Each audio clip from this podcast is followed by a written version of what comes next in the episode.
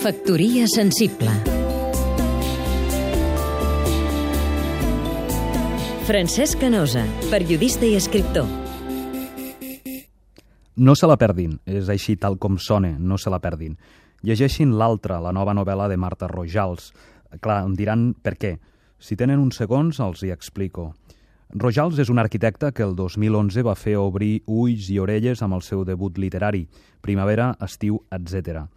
Aquesta tampoc se la perdin, però ara s'esperava que tornés, i ho ha fet més arromangada que mai, amb una història que mostra el cantó fosc de les persones. La meteorologia és de crisi total, de feina personal, de parella, eh, bé, moltes coses. Però dir això és no dir res, i el cas és que si s'ha de llegir Rojals és per una raó. Perquè és igual si estem alegres, tristos, melangiosos, eufòrics, constipats o atabalats.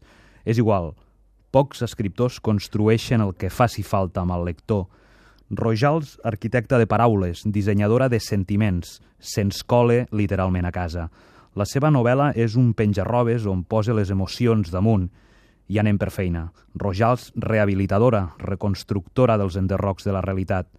Ens passa els totxos emocionals i ens arremanguem i suem junts. Construeix, construïm casa nostra. De fet, Rojals podria ser la germana, la cosina, l'amiga, és la de casa.